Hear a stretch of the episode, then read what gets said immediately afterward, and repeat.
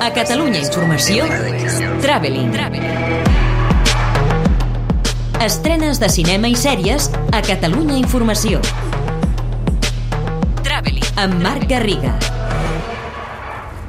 James? Fate draws us back together. Un any i mig després del previst, per fi arriba als cinemes Sin tiempo para morir, l'últim film de Daniel Craig com a James Bond.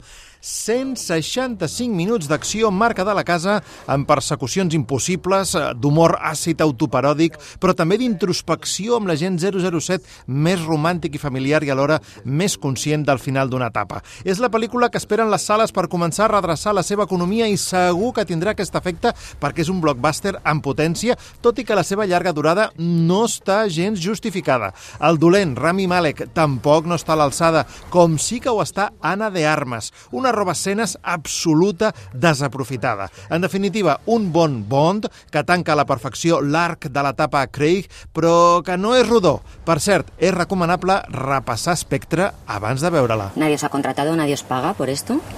¿Hasta cuándo vais a seguir? Cuando no seamos necesarios, nos vamos.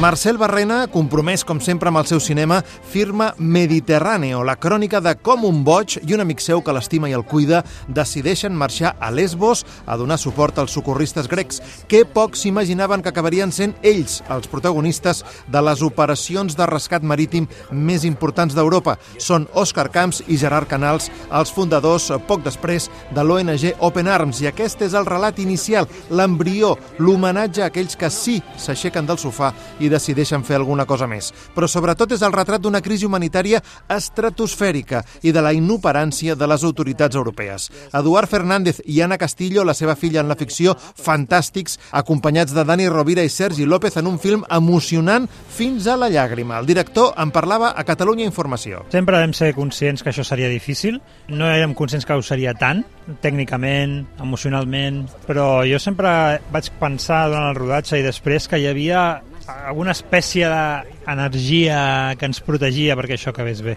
que aquesta història havia d'arribar a la gent i que nosaltres érem els afortunats que havíem estat escollits per fer-la.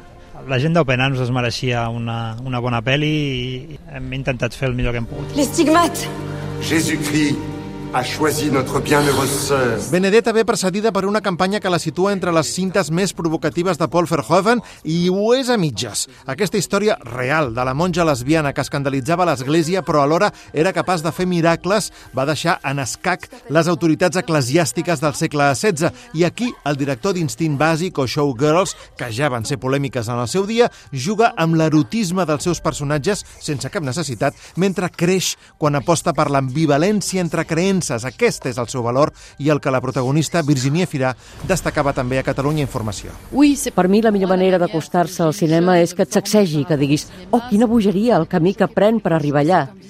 Per això sóc feliç, perquè adoro els films de Verhoeven i és genial i fantàstic que recorri aquests nous camins que ell ja coneix per acabar fent pel·lícules intensament lliures.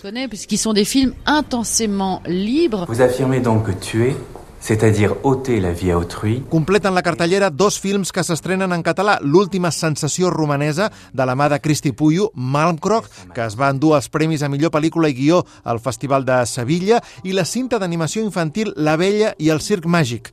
També arriba en català, en aquest cas Amazon Prime, el nou capítol de la saga Hotel Transilvània, Transformania, que no ha arribat als cinemes, i a Disney Plus estrenen un especial de Lego Star Wars, Cuentos escalofriantes, coincidint que falta un mes per Halloween, igual com passa en Filmin, que porta Teddy, un tendre home llop de la Catalunya Nord, que va commoure a la passada edició del Festival de Sitges. Imagine the owner hundreds of years ago. Pel que fa a les sèries, arriba la desafortunada La Fortuna, que és la primera incursió en aquest format d'Alejandro Amenábar, una sèrie d'aventures en Movistar Plus, basada en el còmic de Paco Roca i Guillermo Corral, que expliquen a la seva manera el cas Odyssey i que parla, per tant, de pirates moderns que rescaten del fons del mar tresors perduts i l'enfrontament posterior amb les autoritats de l'Estat que els reclama. Aquí, dos funcionaris del Ministeri de Cultura espanyol es convertiran en una barreja de Tintín i Tadeo Jones amb la missió de recuperar-lo. I l'altra sèrie destacada és L'assistenta, un drama familiar de Netflix que té en nòmina Andy McDowell i la seva filla en la realitat i futura estrella Margaret Qualley. Traveling. Estrenes de cinema i sèries a Catalunya Informació amb Marc Garriga. Es que, en el fondo, tú y yo somos piratas. ¿No?